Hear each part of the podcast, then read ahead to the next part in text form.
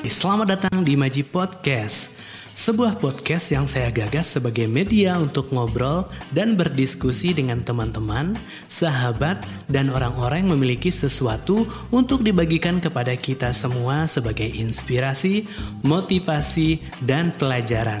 Selamat mendengarkan.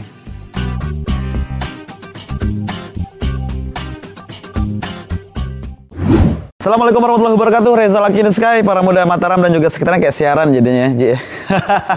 Tapi kali ini uh, Reza Laki bersama seorang yang sangat luar biasa Sangat menginspiratif anak muda Mataram, NTB tepatnya Bang Taufan. Bang Taufan. Se- Oh ini auranya udah beda sekali Bang Taufan. Bang Taufan, ini Ya. pertama kali kita ngobrol? Enggak, kemarin sudah kalau Ih, Itu beda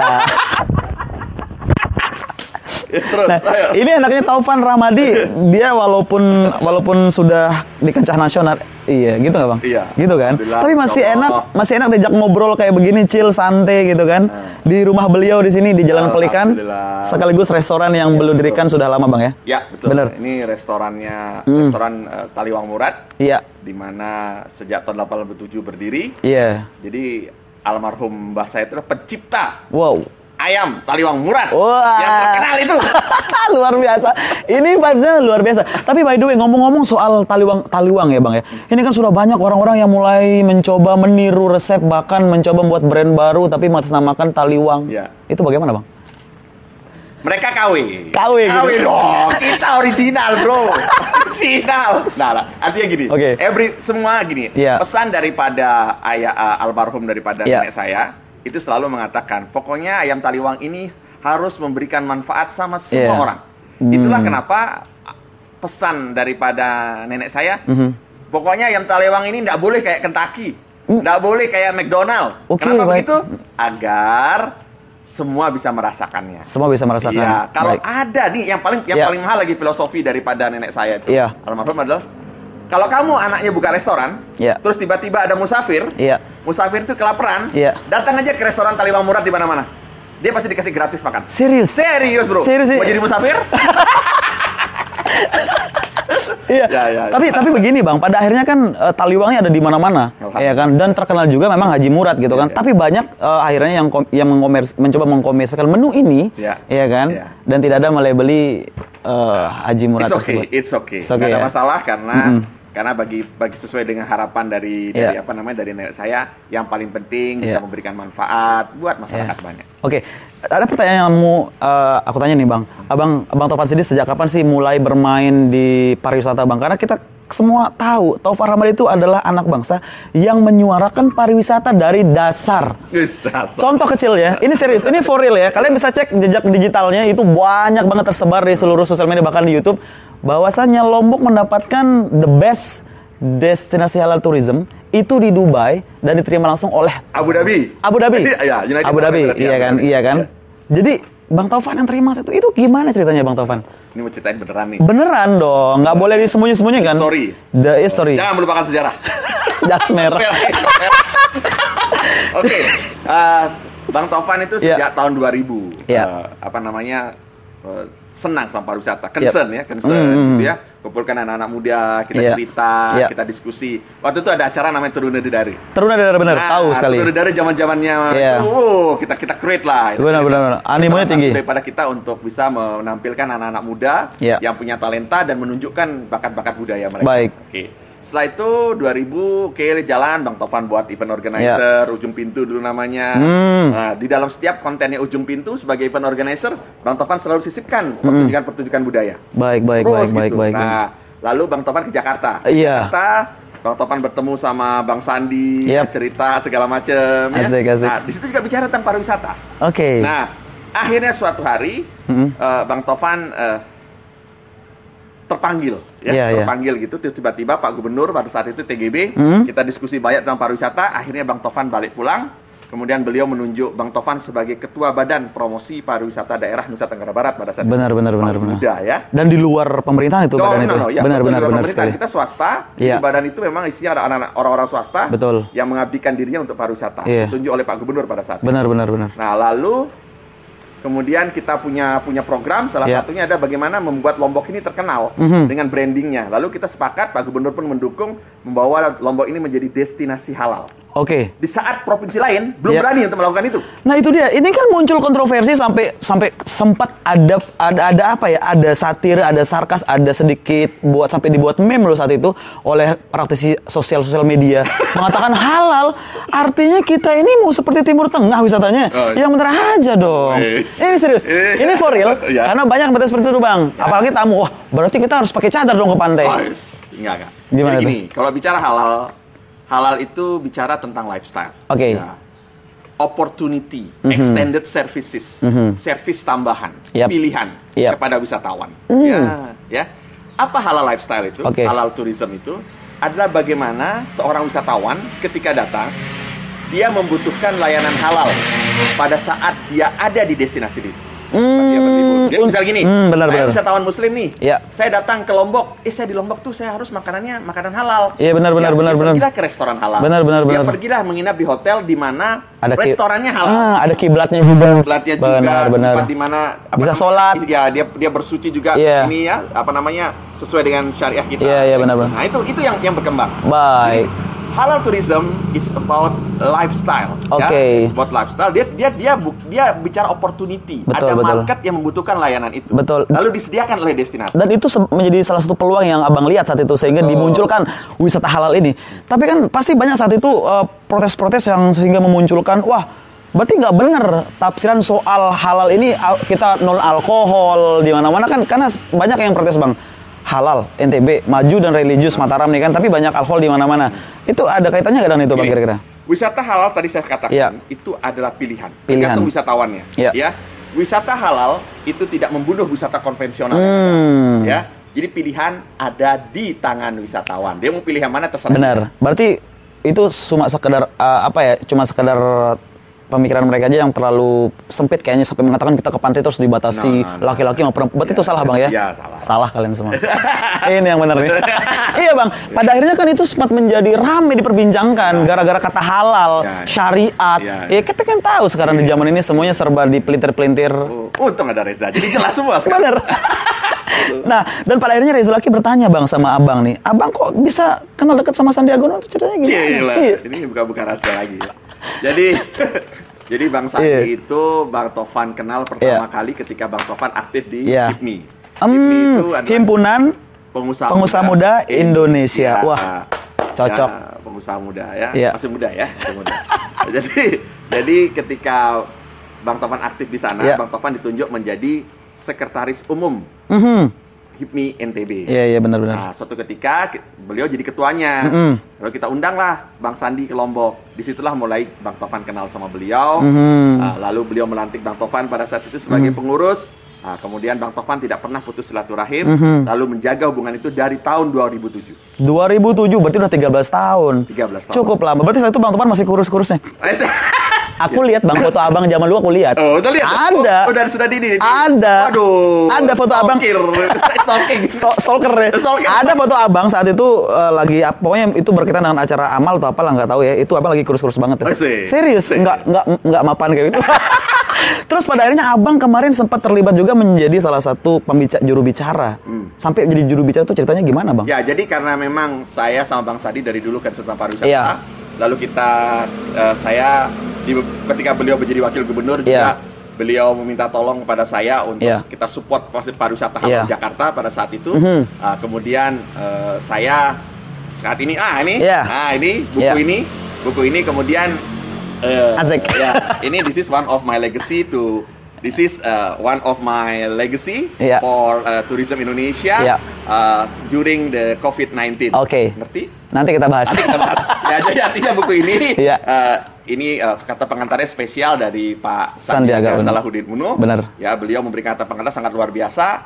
Nah, semenjak saat itulah uh, Bang Tovan kemudian dipercaya oleh Bang Sandi sebagai uh, juru bicara bidang pariwisata Juru bicara bidang, bidang pariwisata. pariwisata. Jadi Bang Sandi ini senang gitu untuk berinteraksi dengan anak-anak muda dan salah satu bidang Iya. yang di, mereka dia selalu menunjuk orang-orang yang memang dianggap ekspertis di bidangnya. Iya. Nah, lalu Benar. Bang Tovan di bidang pariwisata. Beliau menilainya seperti itu. Itu rasanya gimana tuh jadi jubir pariwisata un- ditunjuk langsung oleh Sandiaga Uno tuh? Eh, pertama, alhamdulillah, Iya. alhamdulillah ya, syukur ya.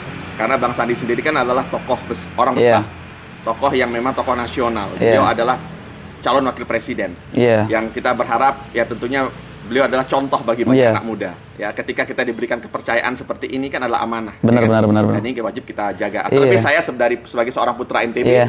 ada sebuah kebanggaan. Benar. Padahal banyak loh bang yang punya kapabilitas yang mungkin seperti abang juga, tapi kenapa harus Topar Rahmadi? Itu pertanyaan yang mendasar Nah, bang. itu tanya Bang Sandi. Ini kamu tanya Bang Sandi aja iya. Berarti berarti ada sesuatu yang dilihat oleh Sandiaga Uno di diri abang, iya kan? Masya Allah. Asik gak? Asik. Iya kan? Mudah-mudahan. Berarti ada something yang dilihat potensialnya sangat besar gitu kan dengan Mudah-mudahan, kapabilitas ya. abang di dunia pariwisata bang. Sampai abang menciptakan buku ini. Ya, iya kan? Di tengah pandemi, Ya. ketika teman-teman pariwisata lagi down, karena gini bang, kita ini adalah orang-orang yang di industri yang kalah. Iya. Pariwisata, guide, PO bus, restoran, semua yang bertanya, kan kita ini industri yang kalah bang. Iya. Ada yang menang, ada yang kalah kan. Iya. Nah, abang tulis buku ini atas dasar apa bang? Ah gini, Ya. saya ketika ketika COVID itu pertama Ya. kali kena di bermewabah di Cina, Ya. saya sudah khawatir, saya sudah prediksi. Ini kalau dia diamkan ini, dia bakal kena sampai Indonesia. Mhm. Nah, sebelum itu terjadi, saya sempat tuh bikin bikin statement di media dan itu blast di mana-mana Ya. bahwa saya minta kepada pemerintah Indonesia dan kepada Menteri Pariwisata saat ini yaitu Pak Wisnu Tama, Ya. Pak, tolong Pak, ini segera ditutup saja. Mhm. Segera ditutup saja. Kita betul-betul sangat apa namanya kita khawatirkan nanti malah membunuh pariwisata, membunuh. Benar. kita semuanya. Ya, tapi rupanya pada saat itu saya nggak tahu pertimbangan, per- Iya. mungkin banyak pertimbangan dari pemerintah pusat, jadi tidak diindahkan Iya. gitu ya.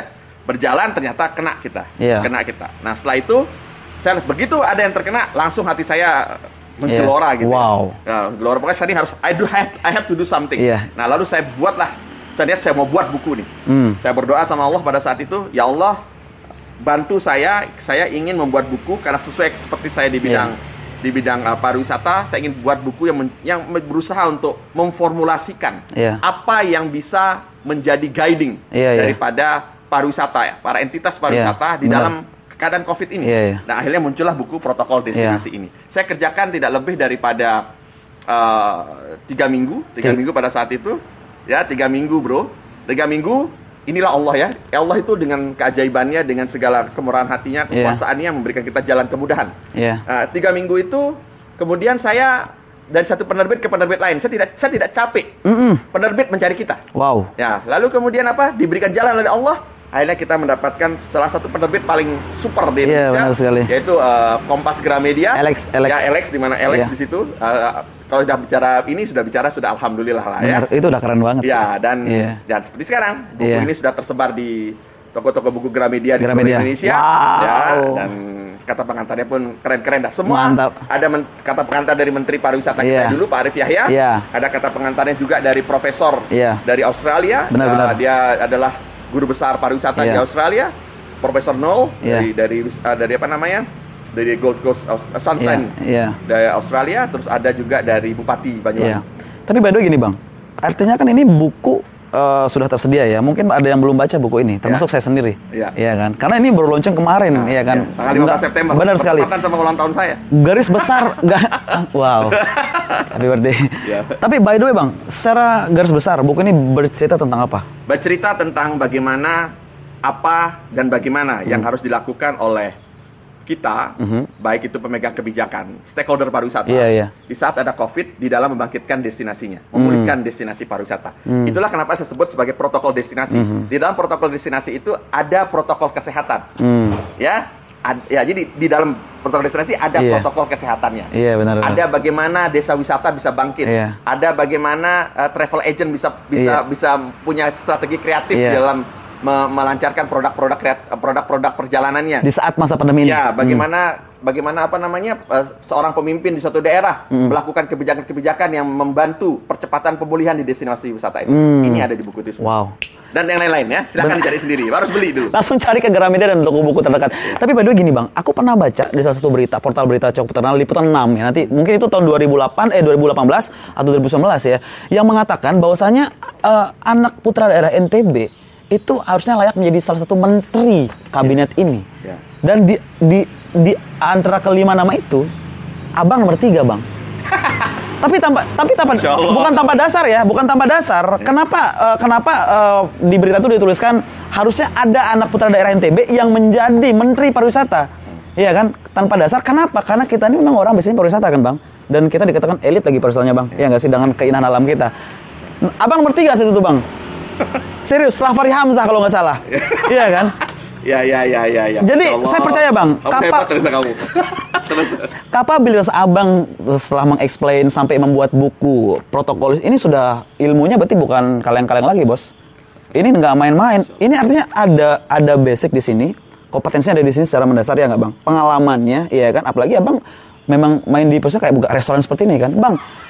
Sampai dibuat beri- muat berita begitu bang, emang seperti apa sih bang Taupan sampai ada apa tulisan kayak begitu bang? Ya, pertama eh, saya sendiri eh, kalau bicara bicara tentang Ya. hal jabatan gitu, Ya. itu biarkanlah Allah yang memiliki kekuasaan, Hmm, ya. Karena tujuan saya bukan di jabatan itu. baik. Ya, saya selalu diajarkan oleh orang tua saya bahwa di dalam setiap eh, melakukan apa pun, Iya. itu targetnya itu adalah mendapatkan ridho dari Allah Subhanahu wa taala. Ya. Insya Allah. Jadi kalaupun saya nanti kalaupun saya nanti ada jabatan lah, kelebihan harta lah ataupun apa pun itu namanya, ya itu itu merupakan bagian daripada rezeki Allah kepada saya. Mhm. Itu merupakan bagian daripada amanah ya kan. Nah, tapi saya tidak punya orientasi untuk itu. Mhm. Tujuan saya adalah bagaimana memastikan setiap kali saya bergerak, setiap kali saya bertemu, setiap kali saya berkarya, itu saya pastikan adalah mudah-mudahan Allah menjaga saya tetap berada dalam kebaikan. Baik. Ya, tebar kebaikan. Tebar kebaikan. Nah, Iya, makanya kan se- se- ke- kemarin kita sempat ngobrol soal pariwisata Indonesia terutama ya. Sampai abang eh, menerima penghargaan itu kan sudah luar biasa sekali kan. Tapi ini pertanyaan agak sedikit deep bang. Ya. nanti bisa kita review ulang. bang, aku takutnya begini bang. Abang ini sudah punya master plan dalam kepala untuk memajukan pariwisata Indonesia. Aku percaya itu bang. Iya. Iya kan, pasti abang punya master plan master plannya ya kan. Tapi takutnya begini bang, apa yang terjadi jika pariwisata Indonesia ini tidak dihandle orang yang tepat? Ya. Kenapa saya katakan demikian bang? Karena kalau kita bicara soal kapabilitas nih, ya memang seperti yang kita katakan tadi, abang ini basicnya memang di pariwisata bang. Ya. Tahu betul bagaimana seluk-beluk pariwisata, marketingnya, pasarnya, segmentasinya, bahkan spesialin buku ini. Bang, yang kita khawatirkan tuh kan kalau memang tidak pada bidangnya nih, terus megang yang segmen A, itu kan bisa kacau bang. ya. Eh, Gini, Iya. eh, saat ini Kementerian Pariwisata Iya. sedang berjuang. Baik, Ya, sedang berjuang. Baik. Saya melihat begitu. Saya Baik. sebagai pegiat pariwisata Baik. eh, melihat bahwa Kementerian Pariwisata Ekonomi Kreatif di Iya. bawah kepemimpinan Bapak Wisnu Tama Iya. saat ini lagi sedang berjuang Iya. memberikan eh, strategi-strategi terbaiknya. Baik. Memberi, me- mengeluarkan kebijakan-kebijakan terbaiknya demi untuk segera memulihkan pariwisata Indonesia. Ya, kita harus apresiasi itu. baik, Nah, kita sebagai orang yang tidak ada di dalam lingkar kekuasaan, Benar. ya, kita wajib mengawalnya. Kita wajib memberikan masukannya. Baik. Kita wajib memberikan pemikiran-pemikiran yang syukur-syukur pemikiran itu nanti bisa diterima dan memberikan manfaat, ya. Iya. Tetapi tetap dengan koridor kesantunan. Baik. Tetap dengan Baik. koridor bahwa kita niatnya itu bukan untuk menjatuhkan, Betul. tetapi kita niatnya untuk bersinergi. Karena pandemik ini dilawan bukan karena ego sektoral. Hmm. Pandemik ini harus dilawan dengan kebersamaan. Bersamaan. Ya, seorang menteri pariwisata dia tidak bisa bergerak sendiri. Iya. Seorang presiden dia tidak bisa bergerak sendiri. Seorang Tovan tidak bisa bergerak sendiri. Seorang Sandi Uno tidak bisa bergerak Baik. sendiri. Melawan Covid ini dilawan dengan kebersamaan. We are in this together. Kalau itu saya Wah. bilangnya, we are in this together. Ya, Iya, iya, iya. ini bukan karena menteri, ini Betul. bukan karena presiden, ini bukan karena pengusaha kaya. No, no, no. Baik. Ini bukan juga karena siapa siapa pun. Iya. Tapi betul-betul kita tasbihkan, Iya. kita kita ikhtiarkan secara bersama-sama untuk melawan itu. baik. Berarti apa kekhawatiran abang tuh saat itu di pariwisata bang? Kekhawatiran terbesar abang saat ini untuk dunia pariwisata apa? Sekarang ini, Iya, kekhawatiran terbesar abang pokoknya. Kalau di pandemik, Iya. saya paling yang saya khawatirkan adalah survival. Survival. Iya, survival. Survival itu apa adalah kita harus sekarang ini melihat pandemik itu, COVID-19 itu harus bisa berdampingan, Mhm, berdampingan. Kita jangan mati di situ. mhm. Kita nggak boleh mati di situ. Kita harus kreasikan.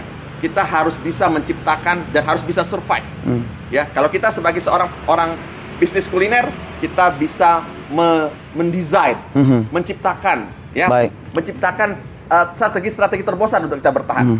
Pengusaha travel, pe- apa namanya pengusaha hotel. Tidak mudah memang, tidak Hmm. mudah. Tetapi kalau kita punya pu- punya kekuatan untuk bisa memiliki kreativitas, kemudian kreativitas itu didukung oleh kekuatan doa, saya yakin ada jalan keluar. Gitu. Bicara soal master plan yang ada di eh, ma- pikiran abang, pasti abang sudah memproyeksikan dalam pikiran abang kalau seandainya saya menjadi pemangku jabatan, misalnya saya akan bawa ke mana pariwisata nanti lima tahun ke depan. Pasang, jujur bang, seandainya apa yang terjadi, ini kita bicara sesuatu lagi jadi, bang, apa yang terjadi jika seandainya proyeksi ide-ide abang di dunia pariwisata tidak tidak dilakukan? Asik. Oke. Contoh, contoh bang. Aku nih kalau bisa jadi menteri pariwisata, aku mau gini gini gini gini. Berarti kalau kau nggak jadi, bisa begini nih pariwisatanya. Ah, gitu bang. Gini, Iya. Perjuangan di pariwisata, Iya. saya selalu membiasakan diri dalam Iya. perjuangan apa pun, khususnya bidang pariwisata Iya. punya visi. Visi. Visi saya adalah memastikan bahwa Mhm. Indonesia, Indonesia itu nanti bisa masuk lima ranking besar. Lima ranking besar. Ya, lima ranking besar destinasi pariwisata dunia. Dunia. Ya, artinya apa? Dari sisi amenitas, Hmm, ya, kita amenitas terbaik, betul. Ya. Akses, ya, Akses. atraksi, semua mendapat penilaian Hmm. itu. Sehingga apa? Kita tidak kalah. Problem besar kita ada tentang sampah misal. Problem tentang kita adalah toilet misal. Itu butuh butuh perhatian. Hmm. Iya. Ya, kita harus ditumbuhkan kesadaran bahwa ketika kita berwisata itu bukan sekedar berbicara selebrasi holiday kita buang apa segala macam Hmm. sembarangan. Tapi bagaimana kita concern, kita menjadi social planner, Hmm. kita menjadi tourism planner. Tourism planner yang bagaimana? Yang peduli sama tempat dia berlibur. Iya. Dia menjadi responsible traveler. Responsible traveler itu bagaimana? Ketika dia berlibur, dia membantu orang-orang sekitarnya. Dia memastikan bahwa ketika dia berlibur, dia menebarkan tidak apa menularkan penyakit kepada wisatawan, kepada Iya. masyarakat di sananya, masyarakat tempat dia berlibur. Begitupun juga yang masyarakat juga tidak tidak apa namanya menularkan kepada wisatawan. Jadi nilai-nilai seperti itu adalah nilai-nilai yang harus ada dan itu Hmm. harus diperjuangkan. Jadi kalau Reza tanya sama saya apa yang harus apa visi saya? Visi saya adalah menjadikan Indonesia itu lima besar destinasi terbaik di dunia. Dan, ya, dan yang saya takutkan itu adalah tidak semua tidak semua calon-calon pemimpin besok di Menteri Pariwisata punya pikiran seperti abang, bang. Wallahu alam. Loh, this is for real kan ini beda-beda. Iya, Iya kan? iya, iya. Karena visioner abang tuh terbang jelas bang. Karena satu betul, abang saat itu sempat men- mendaftar menjadi calon legislatif bang. Iya. Ya kan? Dan abang sedikit cerita sama saya dan itu membuat saya terenyuh bang. Iya. Jujur aja nih, Iya. itu membuat saya terenyuh karena abang bilang sama saya bang. eh, dari mana dia dirubah kalau kita tidak andil di dalamnya? Iya betul. Iya kan? Iya. Itu coba bang ceritain bang. Oke. Ini nggak main-main bang. Iya, Ilmunya di situ tuh. Iya. Jadi begini, Heeh. Di dalam perjuangan kita itu kalau saya termasuk orang yang berprinsip, termasuk orang yang berprinsip Iya. dalam berjuang itu harus in charge juga di dalam Mhm. merubah kebijakan. Ini bukan soal jabatan kan? Bukan soal jabatan, Oke baik. bukan soal jabatan. Baik. Jadi ketika kita memang serius ingin melakukan perubahan, Mhm. kita harus tahu sistem yang ada. Nah di Indonesia Hmm. ini kita akan merubah kebijakan ketika kita berada di di, di entitas pemegang kebijakan. Mhm. Itu bisa di legislatif, Hmm. bisa di yudikatif, atau bisa di eksekutif. Benar, benar. Nah, itu menjadi tujuan saya. Jadi ketika perjuangan itu terjadi, saya punya target. Mhm. Saya harus masuk di legislatif misalnya. Hmm. Ya di legislatif tujuannya apa? Untuk bisa menyuarakan pariwisata ini di legislatif. Berarti komisi 10 berarti? Ya, Komisi 10 misalnya. Karena selama ini NTB itu tidak pernah punya ada wakil di Komisi Hmm. 10 itu. Selama ini? Selama ini tidak ada. Jadi oleh karena itu, kita harus ada orang yang in charge di situ. Hmm. Nah, itu dia. Yang sebagai tukang gedor di situ. Iya, tukang gedor untuk daerah kita. Untuk daerah kita. Gitu maksudnya. Bersyukur sekali Iya. bahwa saya saya bayangkan kalau saya berada di kalau saya jadi dan Iya. berada di posisi sekarang ini saya tidak tahu apa yang harus saya lakukan. ya, karena begini. Kita bisa kita bisa takut kita bisa lolos Iya. dari partai, dari Iya. ketua partai. Iya. Tapi kita tidak bisa lolos dengan amanah kita ketika kita. Bagaimana mungkin nanti ketika kita meninggal kita ditanyakan oleh Iya. oleh Allah ketika itu kamu nih sebagai anggota dewan Andilnya andalnya bagaimana pada saat kita, kita dihujat oleh seluruh rakyat Indonesia wah bisa bahaya itu Berarti ada plus minusnya memang bang ya? ya ya Iya. Kalau saya sekarang berada di sini dan saya tidak jadi menjadi Iya. anggota legislatif Iya. itu merupakan bagian daripada yang terbaik Allah berikan kepada saya Wow, ya jadi saya, saya dan saya tuh nothing tulus Iya. jadi Nah, memang iya, benar, ya, benar, nothing benar. tulus, jadi ya udah itu yang terbaik Iya. jadi saya harus go on forward Iya, betul. harus maju terus ke depan Jadi jadi nggak masalah soal itu bang. Yang penting sudah ada hikmahnya yang kita petik ternyata di sini. Iya. Ternyata bang ditunjukkan secara langsung ini loh pan. Kalau kamu jadi DPR kamu kan dihujat. Iya, iya, iya. bersyukur juga nggak bang kira-kira bang? Iya, Pasti bersyukur kan? Bersyukur nggak dengan? Bersyukur sekali. Nggak, apalagi lihat omnibus law sekarang jadi Iya, topik hangat sekali, sekali. ya? bersyukur Waduh. Aku melihat satu masalah di pariwisata kita nih bang. Pertama di Lombok ya. Ya. Mungkin kita setuju soal SDM. Ini adalah soal keterkaitan SDM bang. Abang pernah nggak sih menyuarakan bagaimana untuk merubah SDM kita terutama di pariwisata? Abang pasti tahu bagaimana orang-orang ketika di, di, di destinasi tertentu itu pedagang asongannya masih maksa-maksa buat eh, ini gitu kan. Terus ada supir-supir travel travelnya yang masih main-main di ongkos sampai wisatawan jam- sampai takut begitu. Itu pernah abang suarakan nggak? Ya, jadi eh, ketika saya masih di tim percepatan 10 destinasi Iya. pariwisata prioritas, salah satu yang menjadi concern kita adalah bagaimana kita eh, berbicara atau mencari solusi kepada pedagang-pedagang asongan yang pada saat itu di Mandalika. Mhm. Lalu kemudian saya turun ke lapangan, saya bicara dengan mereka. Problem mereka itu adalah pada kondisi ekonomi. Jadi Bang Rontok namanya. Oh, Bang Rontok. Oh iya, Bang yang setiap hari mereka cicil. Ya, dengan Setiap bunga pagi. yang luar biasa dari- Benar. dari ini 7% ya, persen ya, bunganya. luar biasa. Nah, Bang Rontok itulah yang menyebabkan mereka menjadi ganas tanda petik. Hmm. Ya, ketika dia ngambil barang, kalau barang itu tidak laku pada saat itu, dia harus siap ditagih Benar-benar. oleh orang oleh apa lintah darat Iya, itu, lin- kan? iya, benar, Jadi pilihannya saya harus lakukan ini atau Iya. saya dia ditagih. Oh, ini Nah, poin-poinnya. Inilah menjadi akar permasalahannya. Mhm. Oleh karena itu, saya bersama kawan-kawan di sana menginisiasi terbentuknya Asosiasi Pedagang Asongan Mandalika. Wow. Ya, difasilitasi oleh oleh pada saat dibantu oleh kementerian Iya. dan juga bekerja sama dengan pemerintah daerah dan Iya. ITDC pada saat Iya, itu di sini benar. Alhamdulillah eh, asosiasi itu terbentuk dan Iya. sekarang pun sedang berjalan. Hmm. Dan salah satu outputnya adalah ada lapak yang diberikan di Iya, di Mandalika. Memang belum 100% untuk berhasil, tetapi eh, kita sudah melakukan sesuatu pada Iya. saat itu. Dan kemudian saya tahun 2018 saya selesai dari tim 10 dan Tim 10 ya, selesai. dan saya lihat kawan-kawan eh, terus masih berjuang untuk itu. Iya. Ya. Sekarang karena gini kan ada di- eh, GP sudah eh, progres nih, Bang.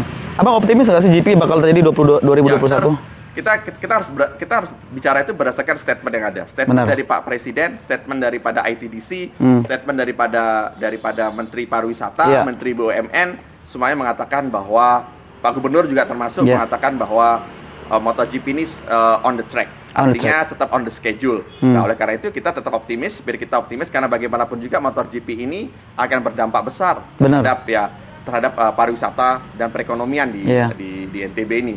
Iya, ini optimis optimisnya abang karena tapi pa- pa- pasti ada asumsi tersendiri bang. Karena kan kita- pertama kita resesi nih bang. Iya, iya. Ada info-info resesi nih Iya, iya, dari iya. pusat ya Iya, kan. iya. Ngaruh nggak sama investor kira-kira bang? Oh ya pasti. Itu Pasti kan? Nah, itu ngaruh. dia. Ya, pasti mengaruh. Coba sekarang begini, at least di Hmm. dalam perjuangan itu harus ada optimisme. Oke. Ya itu yang paling penting. Baik, ya kan? baik, baik. Ya, to be or not to be. Iya. To be or not to be. Karena karena negara sudah bekerja sama Iya. sama sama pemilik Dorna, Dorna, ya, Dorna. Sama Dorna. Artinya apa? It has to be done. Iya. Sekarang dalam persiapannya harus dipikirkan masa-masa. Betul. Ya NTB di sini uh, dan semua semua stakeholder pariwisata harus berpikir jangan Benar. jadi penonton. Benar, benar, Dia harus benar. mengambil momen itu. gitu. Benar. Karena kan hotel juga belum kita lihat belum berdiri. Iya, iya. Hotel belum berdiri. Pembebasan lahan masih ribut aja tuh. Iya. Iya kan kalau kita lansir dari saat Lombok tuh masih ribut aja soal pembebasan lahan kan begitu. Ya kita dorong sama-sama. Jadi artinya gini, pemegang-pemegang kebijakan sekarang harus melihat bahwa critical success factor daripada Hmm. Mandalika harus segera diselesaikan. Betul, betul, Masalah betul. tanah harus segera diselesaikan. Betul, betul, ya. betul, betul. Saya mendengar dari berita bahwa Komnas HAM pun Komnas HAM Turun, turun ya. betul. Terus juga eh, apa namanya eh, Pak Pak Gubernur, Pak Kapolda juga bersepakat ini akan dituntaskan segera. Hmm. Betul, betul. saya ya udah biarkan mereka bekerja. Betul. Ya, terus eh, saya melihat juga ITDC terus me- apa namanya membangun infrastruktur. Yang sekarang jadi jadi masalah adalah bagaimana masalah hospitality. Hospitality benar. Hospitality itu adalah eh, bukan saja kamar hotel, Betul. ya karena nanti akan diprediksi 300 ribu wisatawan akan datang Betul. ke membanjiri eh, MotoGP gitu ya, dan ini menjadi menjadi sesuatu jangan sampai menjadi bom waktu. Benar kan kan kita belum melihat juga rumah sakit internasional di mana. Iya betul. Kesiapan-kesiapan ini yang membuat masyarakat akhirnya bertanya, uh, muncul keraguan gitu kan. Saran saya, Iya. saran saya kita lakukan sesuai tanggung jawab kita. Baik. Masyarakat tanggung jawabnya adalah bagaimana mereka menangkap momen motor GP ini satu, bagaimana bisa bermanfaat buat bisnisnya dia, Hmm. satu itu. Yang kedua, bagaimana bisa bermanfaat buat lingkungannya Iya. dia, jadi desanya dia, Iya. ya, atau profesinya dia. Iya. Baru terakhir kita berbicara tentang bagaimana lebih luas lagi bermanfaat bagi daerah kita. Uh, dan sekarang uh, Reza bertanya sesu- sesuatu yang cukup vital nih bang. The worst thing yang terjadi apabila GP tidak sesuai dengan jadwal yang dischedule The worst thing yang terjadi, ya tentunya kita melihat ini dalam perspektif apa ya? MotoGP tidak jadi, Hmm. apa yang menjadi penyebabnya? Baik. Kalau dia force major ya, apa yang harus Oke, dilakukan? force major. Ya. Berarti pandemi ini kan force major. Kalau ketika saat ini, Hmm. saat ini kita bisa memprediksi hal itu, Baik. tentunya kita harus berbicara tahapan preventifnya. Mhm. Preventifnya apa? Preventifnya harus mencari solusi-solusi. Bagaimana menuntaskan masalah kamar, bagaimana menuntaskan masalah tanah, bagaimana menuntaskan masalah amenitas-amenitas yang lain, Hmm. bagaimana kemacetan yang mungkin Hmm. terjadi, kenyamanan wisatawan. Betul. Ya, Jangan sampai wisatawan yang datang ini menjadi backfire. Hmm. Jadi yang dia mau mau senang-senang, Hmm. jadinya dia tidak senang-senang. Yang tadi dia mau recommended Lombok, dia tidak jadi merecommended Lombok. Yang tadi ratingnya mau jadi 5, jadinya Ya. dia oh, jadi satu setengah mungkin nanti ratingnya. Nah ini harus dilakukan langkah-langkah preventif. Mhm. YTDC ini, eh sorry, MotoGP ini adalah momen di mana ujian. Ujian buat siapa? Ujian buat kita semuanya. Mulai dari pemerintah desa, masyarakat kita sebagai pribadi, sampai kepada presiden. Mhm. Ya ini wajah kita di depan dunia. Betul. Karena nanti akan lebih daripada viewersnya itu ada lebih daripada 273 juta orang yang akan nonton melihat keindahan daripada Mandalika. Betul. Ya, 273 itu adalah orang-orang yang ada di seluruh dunia. Di luar yang ada di luar yang ada Ini yang ada- segmented untuk MotoGP only ya? Ya, Oke. MotoGP only. Orang yang nonton dari rumah-rumahnya di seluruh dunia. Betul. Ya, jadi jadi saya saya mengharapkan bahwa ini jangan dianggap remeh. Hmm. Ini jangan dianggap enteng oleh siapa pun. Ya, mereka harus melihat melakukan langkah-langkah preventif sampai plan A, plan B, plan, Plan C, C. plan D sampai plan yang paling jelek sekali. Benar sekali. Ya, kalau itu sampai nanti terjadi ya, tadi Iya. jangan sampai nyesel kemudian. Benar kan kita harus tahu probabilitasnya kan? Kemungkinan-kemungkinan hal yang membuat Ya. ini gagal kan pasti ada, Bang. Ya. Pesimisnya tinggi banget, Bang. Iya, betul. Ketakutan tuh artinya terjadi takutnya begitu gitu loh. ini ya artinya Reza Iya. dengan podcast yang ada sekarang ini dengan acara ini ya kita berharap ya kita berharap kita gedor pemerintah Betul. pemerintah semua stakeholder yuk Iya. yuk kita bareng-bareng kita pikirkan ini masalah ini Iya. ya kita kita cari solusinya sama-sama agar tidak terjadi hal-hal yang tidak diinginkan pada saat kotor Karena secara secara real ya, ini real life sekali kita bicara sore. Kita nggak ngarang-ngarang, kita nggak kita nggak mau peres ya.